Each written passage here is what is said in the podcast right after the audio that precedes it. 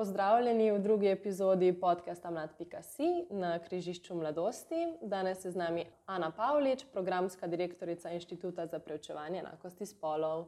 Dobar dan, najlepša hvala za vabilo. Bi nam začetek lahko povedali, kaj počnete v inštitutu, s čim se ukvarjate, kaj so uh, vaše glavne naloge? Eh, torej, glavna naloga našega inštituta, Inštituta za pročevanje enakosti spolov eh, s krajšim imenom IPES, je vsekakor ta, da skušamo med najširšo javnostjo poglabljati razumevanje o enakosti spolov. Eh, kako to počnemo na različne načine, spodbujamo in izvajamo različne aktivnosti in projekte, s katerimi skušamo vsaj malce prispevati k temu, da bi ta naša družba res lahko postala družba, ki bo uspelo preseči vse tiste omejitve, ki se pojavljajo zaradi dimenzije spola in ki močno vplivajo na naše življenje. Kako pa sploh definiramo enakost spolov? Mnogi namreč definicijo nekako po svoje interpretirajo, drugače razumejo, in potem se pojavljajo tudi polemike. Recimo. Ja, to je zelo pomembno vprašanje, zato sem zelo hvaležna, da ste ga eh, izpostavili oziroma da ste mi ga zastavili. Res je, eh, jaz seveda enako spolov definiram kot nek predpogoj vsake demokratične družbene ureditve. To je izhodišče za to, da sploh lahko vsak izmed nas uživa v tej tako imenovani demokratični uh, izkušnji. Zdaj, kot ste že dejala, uh, se nam včasih, pa mogoče v zadnjem času še bolj pogosto zdi, kot da se marsikdo te besede enako zboji. To je absolutno potrebno reflektirati, se ob tem ustaviti in vprašati, zakaj bi se kdo tega bal, kaj pa to potem za te ljudi pomeni, in bo kaj oduzeto, kakšne njihove predstave ali pa vzorce pravzaprav eh, zanikamo ali pa preizprašujemo na ta način, da se mi zauzemamo za enako spolov. Um, Tisti, ki so tako proti enakosti, želijo namreč enako zreducirati na enakopravnost, ki je nek drug koncept, eh, ki se ga pogosto eh, zamenjuje z enakostjo, oziroma včasih gredo v teh svojih kritikah celo tako daleč, da pravijo, da je enakopravnost že dosežena, kaj bi še sploh lahko želeli več, oziroma to, kar si želimo več, je zagotovo nekaj, kar bi vodilo v razkroj družbe ali pa bi pomenilo, da neke pravilne vrednote eh, postajajo ogrožene. Resnica je seveda povsem drugačna. V Sloveniji gotovo velja, da je za enakopravnost spolov zelo dobro poskrbljeno. S tem ne merim samo na ustavo, imamo tudi zakone, ki to še dodatno uh, potrjujejo in urejajo, ampak po drugi strani enakost še vedno ni dosežena. Zakaj tako pravim? Zaradi tega, ker enakopravnost je ožji pojem od enakosti. Enakopravnost omogoča zgolj legislativne uvere, oziroma ne uvere, okvirje, zato da se enakost v praksi šele lahko udejanja. In zdaj, če si recimo vzamemo za primer samo nekaj um, takšnih življenjskih izkušenj vsakega izmed nas, nam bo postalo jasno, da smo do, do enakosti še zelo, zelo oddaljeni. Naprimer, um, vzamemo si nekaj trenutkov, pa uh, naredimo nekaj klikov po telefonu, pa bomo videli, kako zelo prisotna sta seksizem in šovinizem v naši družbi. Sta pravzaprav del nekega običajnega govora, kako se obravnava uh, ženske, ki se recimo odločijo, da se bodo izpostavile, ne si bo to v politiki, ne si bo to v vrhunskem športu, ne na zadnje. Eh, zelo glasni pravilniki, ki so bili zdaj kar nekaj časa, so burali našo javnost, so pokazali, da imamo še vedno različno obravnavo um, dečkov in deklic, uh, celo v šolskem prostoru, kar je seveda nedopustno. In to pomeni, poleg tega, seveda, da recimo ženske še vedno prejemajo tudi niže plačilo od moških, da so bolj obremenjene v smislu usklajevanja poklicnega in zasebnega življenja, da uh, same nas je prevzemajo več tega neplačenega skrbstvenega dela, da recimo po podatkih nekaj let starih Evropske komisije, več kot polovica slovencev še vedno meni, da je primarna naloga ženske ta, da skrbi za dom in družino.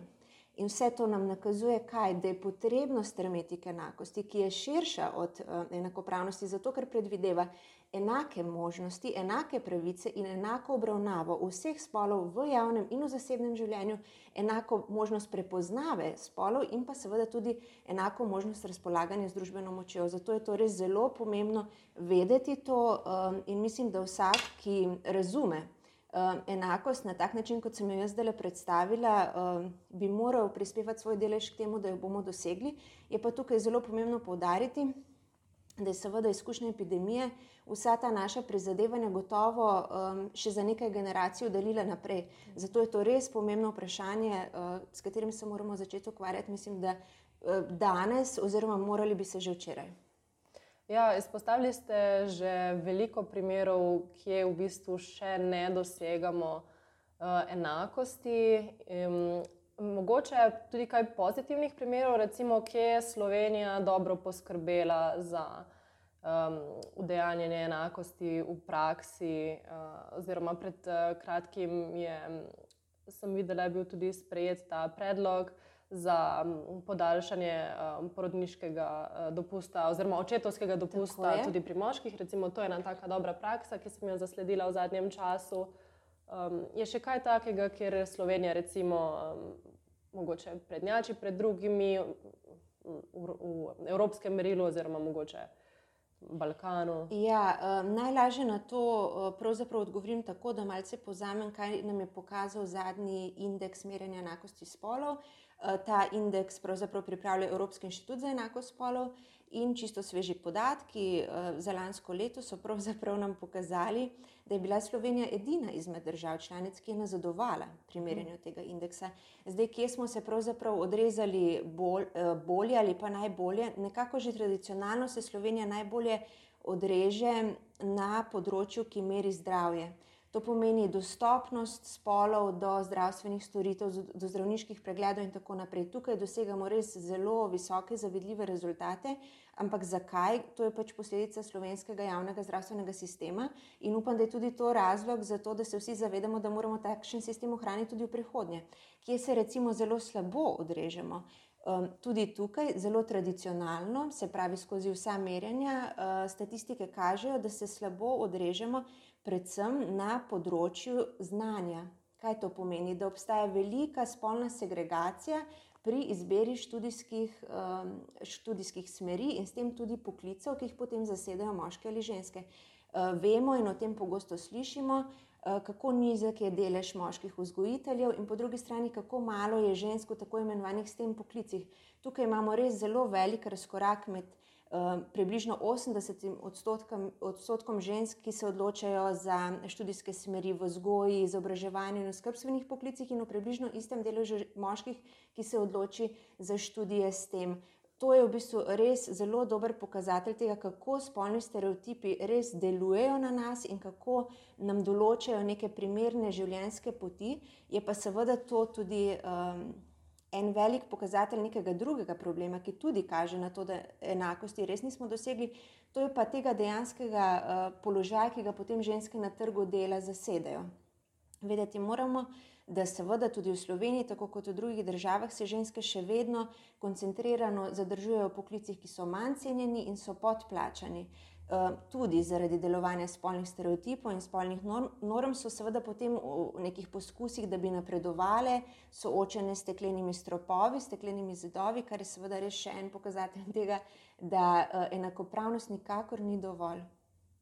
Eh, s, um, s neenakostjo v izobraževanju. Izobraževanju, oziroma v izbiri poklicev, in potem tudi poklicih, ki jih uh, ženske dejansko zasedajo, ste se sicer že na osnovnošolski ravni ukvarjali v vašem projektu Stela. Bi nam mogoče povedali kaj več o tem projektu? Ja, res je. Stela je pravzaprav eh, dvoletni mednarodni projekt, eh, ki ga financira Evropska komisija In uh, stela se zaključuje prav v teh tednih, tako da sem zelo vesela, da imam priložnost še enkrat spregovoriti o tem res krasnem projektu. Izvajal ga je naš inštitut, pa Ljudska univerza Celje, Univerza v Mariboru, oddelek za sociologijo in pa osnovna šola Branka Pešiča iz Srbije. Uh, stela je pravzaprav projekt, ki govori o spolnih stereotipih v osnovnošolskem izobraževanju, kot ste že omenili, pri čemer pa mi velik podarek dajemo prikritemu kurikulumu. Um, zdaj, uh, s tem projektom smo pravzaprav želeli ne samo doseči ravno to, o čemer sem zdaj že kar nekajkrat govorila, torej, da bi poskušali ustvarjati neka učna okolja, šolska okolja, v katerih bi res lahko dečki in deklice na podlagi svojih pravih želja in interesov razvijali svoje polne potencijale, torej brez da bi na njih delovali te omejevalne spolne stereotipi ali pa družbeno pripisane spolne vloge. Um, to smo želeli početi z njimi, po drugi strani pa smo enako močno pozornost namenili tudi starejšim, ki te otroke obdajajo in seveda na njih nekako prenašajo te spolne stereotipe in spolne vzorce. Torej, um, ukvarjali smo se tudi z njihovimi starši in pa seveda s pedagoškim osebjem, z učitelji in učiteljicami v osnovnih šolah v obeh državah. Um, tukaj moram podariti um, en glavni razlog, zakaj smo to tako razširili. To je ta, da so ti spolni stereotipi seveda nekaj, kar um, ni nam naravno dano, to ni um, kar zapisano v naš uh, genski kod, ampak je nekaj, kar se otroci aktivno naučimo. Uh, raziskave so pokazale, da v bistvu uh, so otroci najprej so seveda s spolnimi stereotipi soočeni v primarni družini. Eh, ko starši spolne stereotipe na njih eh, prenašajo z gledom. Torej, otroci spremljajo, kako se starši obnašajo, kako starši reagirajo na določene stvari in hitro posvojijo dejstvo, da je spolno stereotipiziranje eh, nagrajeno v smislu družbe in da je kršenje spolnih norm sankcionirano. Zato se jim to nekako nalaga, to, to se v njih potrjuje.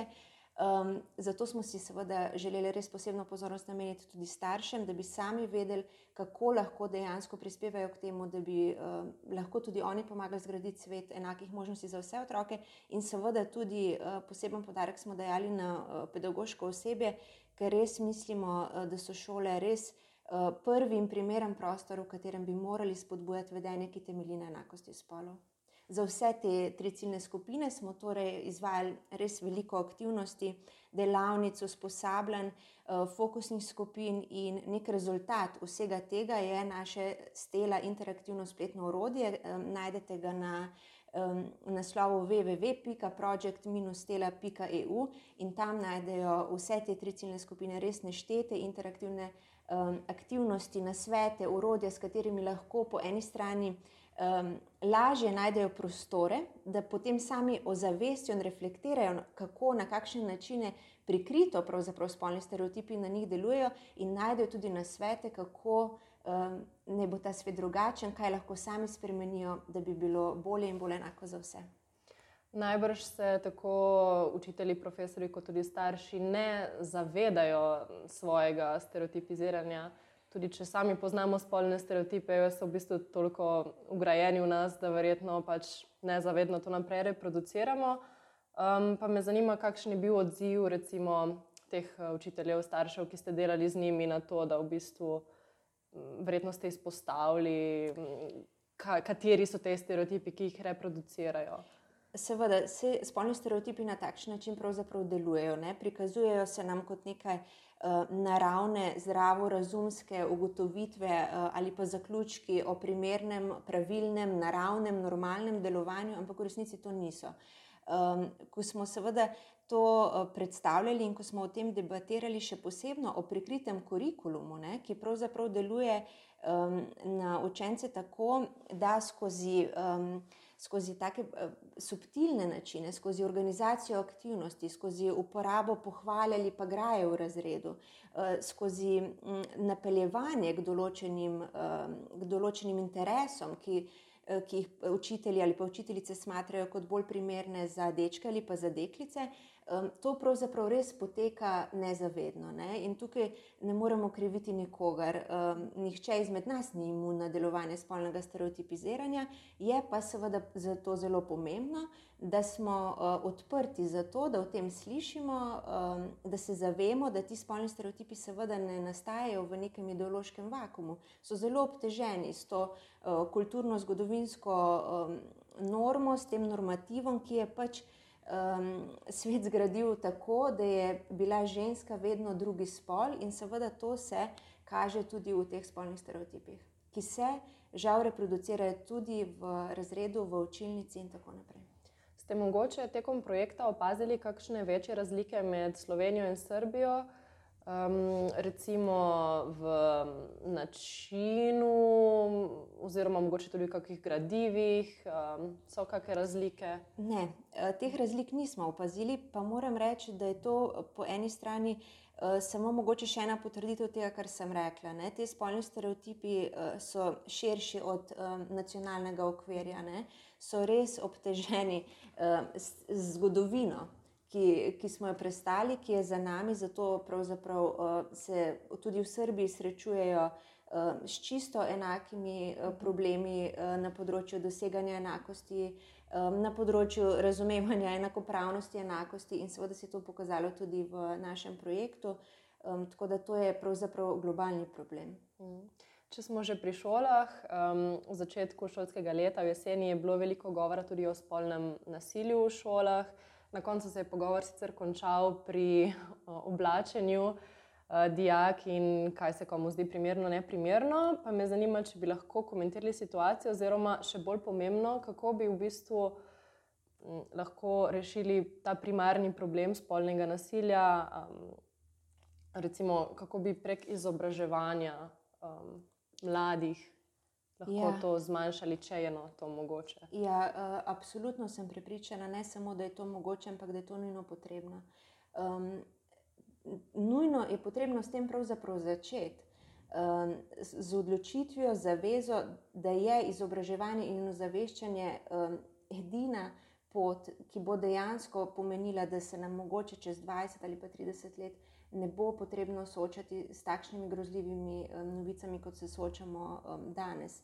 Um, absolutno je potrebno otroke že od mla, mladih nog učiti o tem, kakšni odnosi so zdravi in kakšni odnosi niso zdravi. Uh, potrebno jih je učiti o njihovih telesih, o spoštovanju do telesa drugega in tudi o spoštovanju lastnega telesa. Potrebno je z otroki govoriti o spolnosti, o pomenu privolitve v spolnost, o vseh nekih takih stvarih, ki se nam mogoče zdijo, um, da so za pogovor neprijetne, ampak so zelo potrebne. In um, ne smemo tega prepustiti temu, da bi bilo pač od sreče vsakega otroka odvisno, ali bodo njegovi ali pa njeni starši uh, z njo ali z njim upravljali te pogovore, ampak to bi res morali.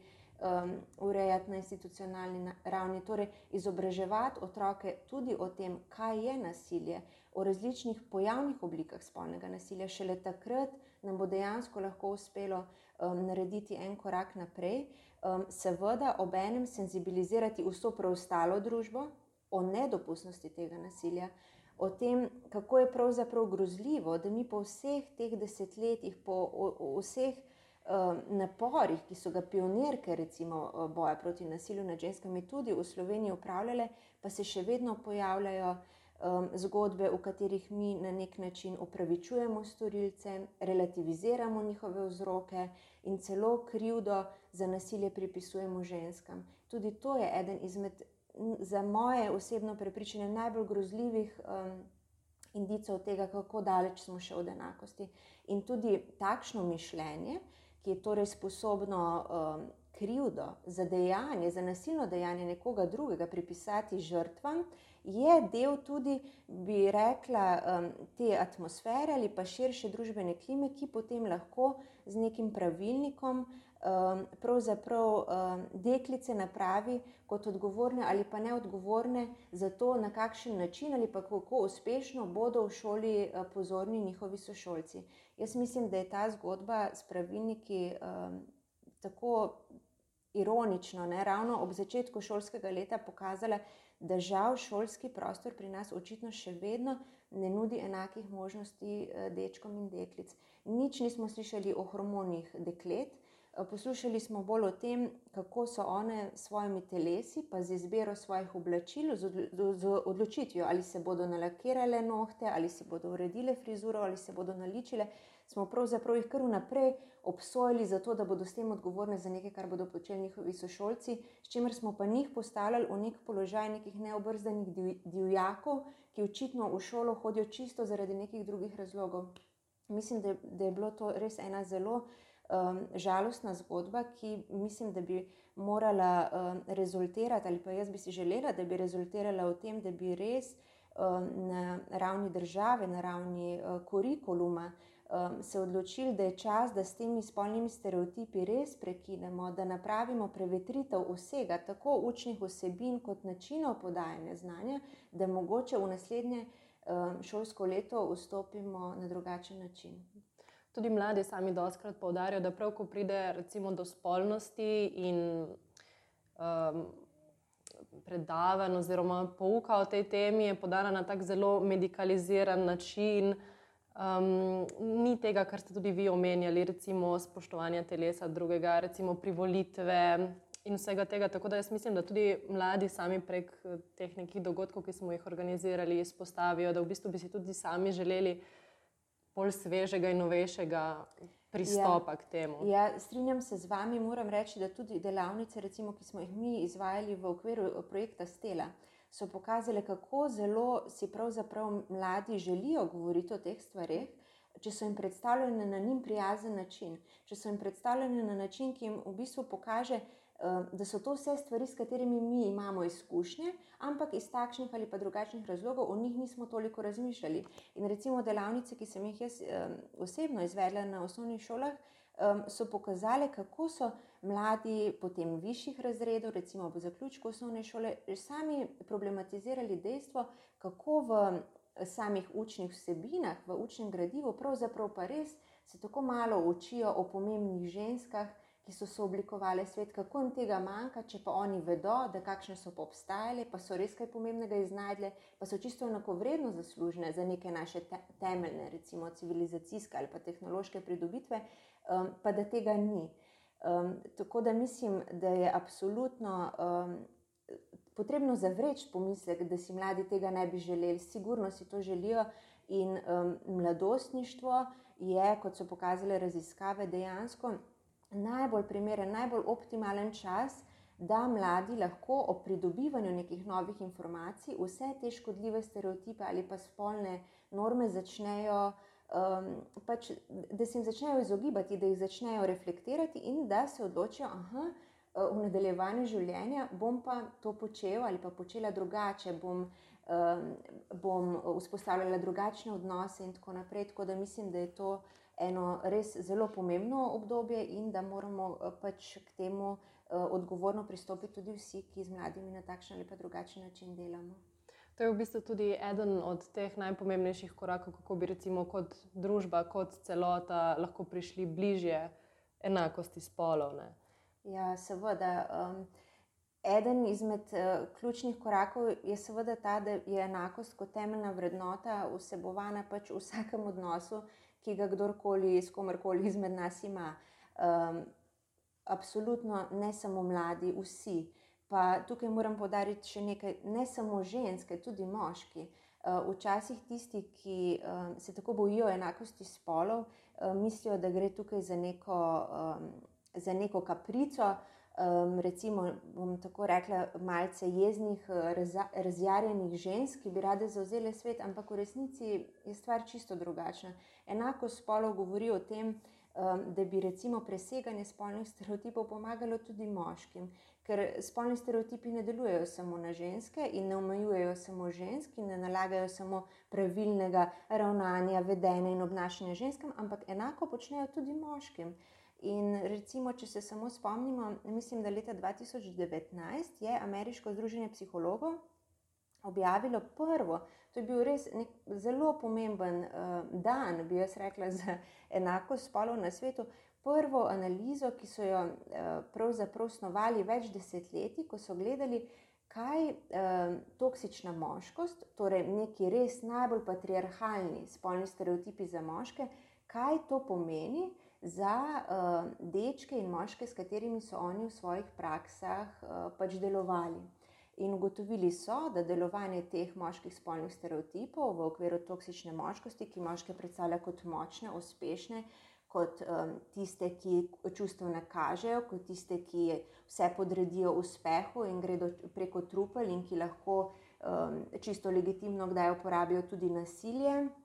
Eh, in ki seveda izražajo tudi določene sentimente antifeminizma, da se je to pravzaprav pokazalo v tem, da so ti moški uh, bili kasneje v življenju soočeni tako s prekomerno uporabo opojnih substanc, uh, s povečano stopnjo samomorilnosti in pa seveda tudi z zelo razširjeno nasilnostjo in agresijo, ne samo do njih, ampak seveda tudi do vseh ostalih, s katerimi so prišli v stik.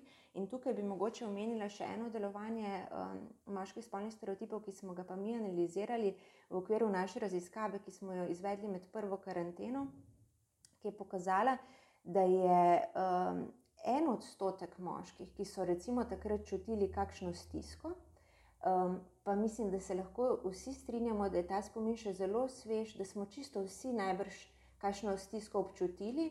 Uh, no, med moškimi, ki so sodelovali takrat v naši raziskavi, pa je samo en odstotek o tem sploh s kom spregovoril. In to je recimo še en dokaz tega, kako škodljivi so tudi moški spolni stereotipi in povabilo moškim, da se temu uh, boju za enako spolo, te zavezi uh, pridružijo. Spomnim se enega članka, ki sem ga v času svojega študija še brala, oziroma raziskave, ki je pokazala, da se v bistvu, ja, tako kot ste govorili, že v mladih letih s temi spolnimi stereotipi v bistvu formira ta toksična moškost, ker so sicer bila ameriška raziskava. Mladi fanti že med sabo se tako regulirali, da so rekli, ok, umrl mi je pes, ne, to ni zadosten razlog, da bi bil žalosten in če je pač ta fant potem žalost izrazil, so ga v bistvu že drugi med sabo nekako ne, z merljivkami in tudi nasiljem ja. pripravili do tega, da naprej recimo čustev ni kazal. In spomnim se, ko so recimo zapisali, da okay, je edini razlog, ki bi bil v redu, da jočem je, če bi mi umrli starši. Ja. Recimo smrt hišnega ljubljenčka, razhod z dekletom, to ni dovolj dober razlog, da bi kazal ja. čustva. Ja, to je pravzaprav produkt tega, da mi eh, pravzaprav eh, dečke že od rojstva eh, vzgajamo tako, da jim govorimo, ti si velik fant, ti ne boš jokal in ponujemo čisto drugačne igrače kot deklicam. Ki jih pa po drugi strani opredeljujemo kot nežne, mirne, neproblematične, in tako naprej. Um, seveda to počnemo uh, brez tega, da bi se zavedali, kaj pravzaprav to pomeni um, za življenje naprej. Uh, uh, kakšne vzorce dajemo, um, dajemo svojim otrokom na ta način. Um, tako da ja, to je posledica tega. Mm. Sicer opažam, da veliko fantov, moških je nekako pripravljenih bolj odkrito govoriti o svojih čustev, čustvih in se tudi nekako izvija iz teh vzorcev, po drugi strani.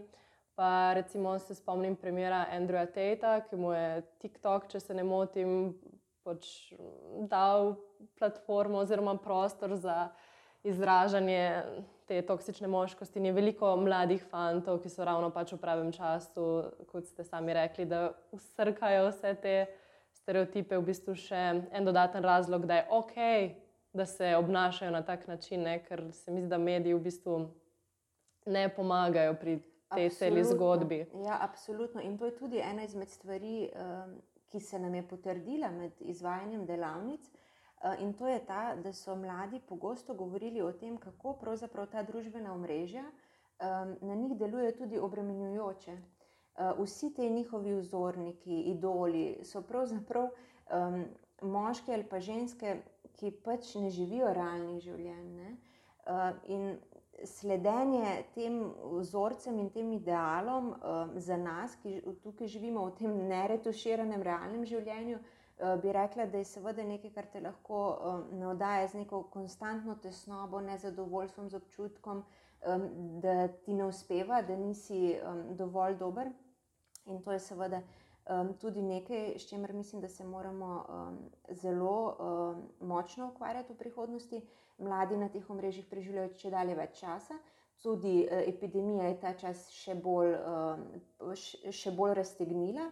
Uh, zdaj je pač to res nenehno sledenje in nenehno poskušanje prikrivanja tega občutka, da nekaj zamujaš, uh, naredila legitimno. Uh, in mislim, da mladi uh, priznavajo, kako zelo ta družbena uh, omrežja pravzaprav te neke spolne stereotipe in vzorce Eh, potrjujejo.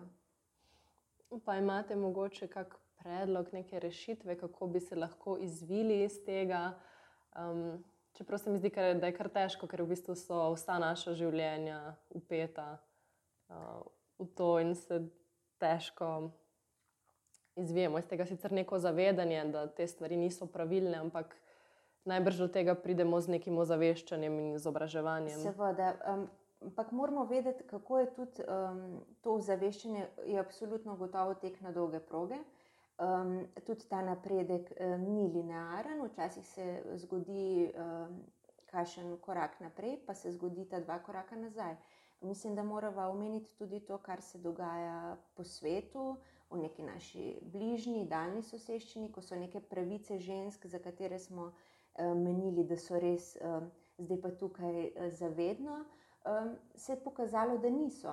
Ne? In smo res priča neki realnosti, v kateri ti je lahko oduzeta, ne vem, temeljna izbira.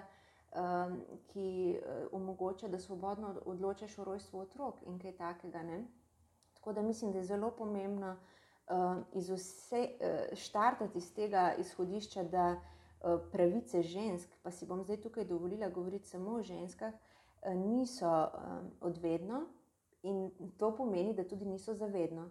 To pomeni, da moramo res vsak dan uh, delati za to, da jih bomo ženske, pa tukaj bi bilo seveda koristno, da bi tukaj na pomoč priskočili tudi moški, lahko ohranile in obranile tudi za tiste, ki za nami prihajajo. Kot sem že rekla, mi smo obteženi z neko kulturno-zgodovinsko normo, ki je žensko postavila uh, v podrejen položaj napram moškemu in to potem uh, ob različnih družbeno-političnih dogodkih lahko privre na plan in se kaže v različnih procesih, um, ki poskušajo ta boj za emancipacijo, za enakost spolov nekako zaustaviti. Um, mislim, da je pomembno, da se tega ne ustrašimo, ampak da še bolj na glas govorimo, um, jasno govorimo, povemo, zakaj je enakost pomembna. Jaz mislim, da prihodnost pripada vsem, uh, je pa seveda odvisno od nas. Um, ali se nam zdi to dovolj pomembno in dovolj vredno, da bomo res tudi vsi s svojim dejanjem, um, svojim, tudi če to dejanje predvideva neko spremembo mišljenja, spremembo naših dosedanjih praks, če bomo um, za to prispevali tudi vsi svoj delež. V bistvu torej moramo zelo budno spremljati. Absolutno. Uh, budno moramo spremljati uh, in se na to tudi odzivati. Um, in stvari poimenovati takšne, kot so. Um, tudi um, na spletu um, moramo budno spremljati, kaj se dogaja, tudi v anonimnih komentarjih, ki tudi kažejo neko širšo stanje duha v naši družbi. Uh, absolutno moramo spremljati tudi, kaj se dogaja širše um, na ravni politike.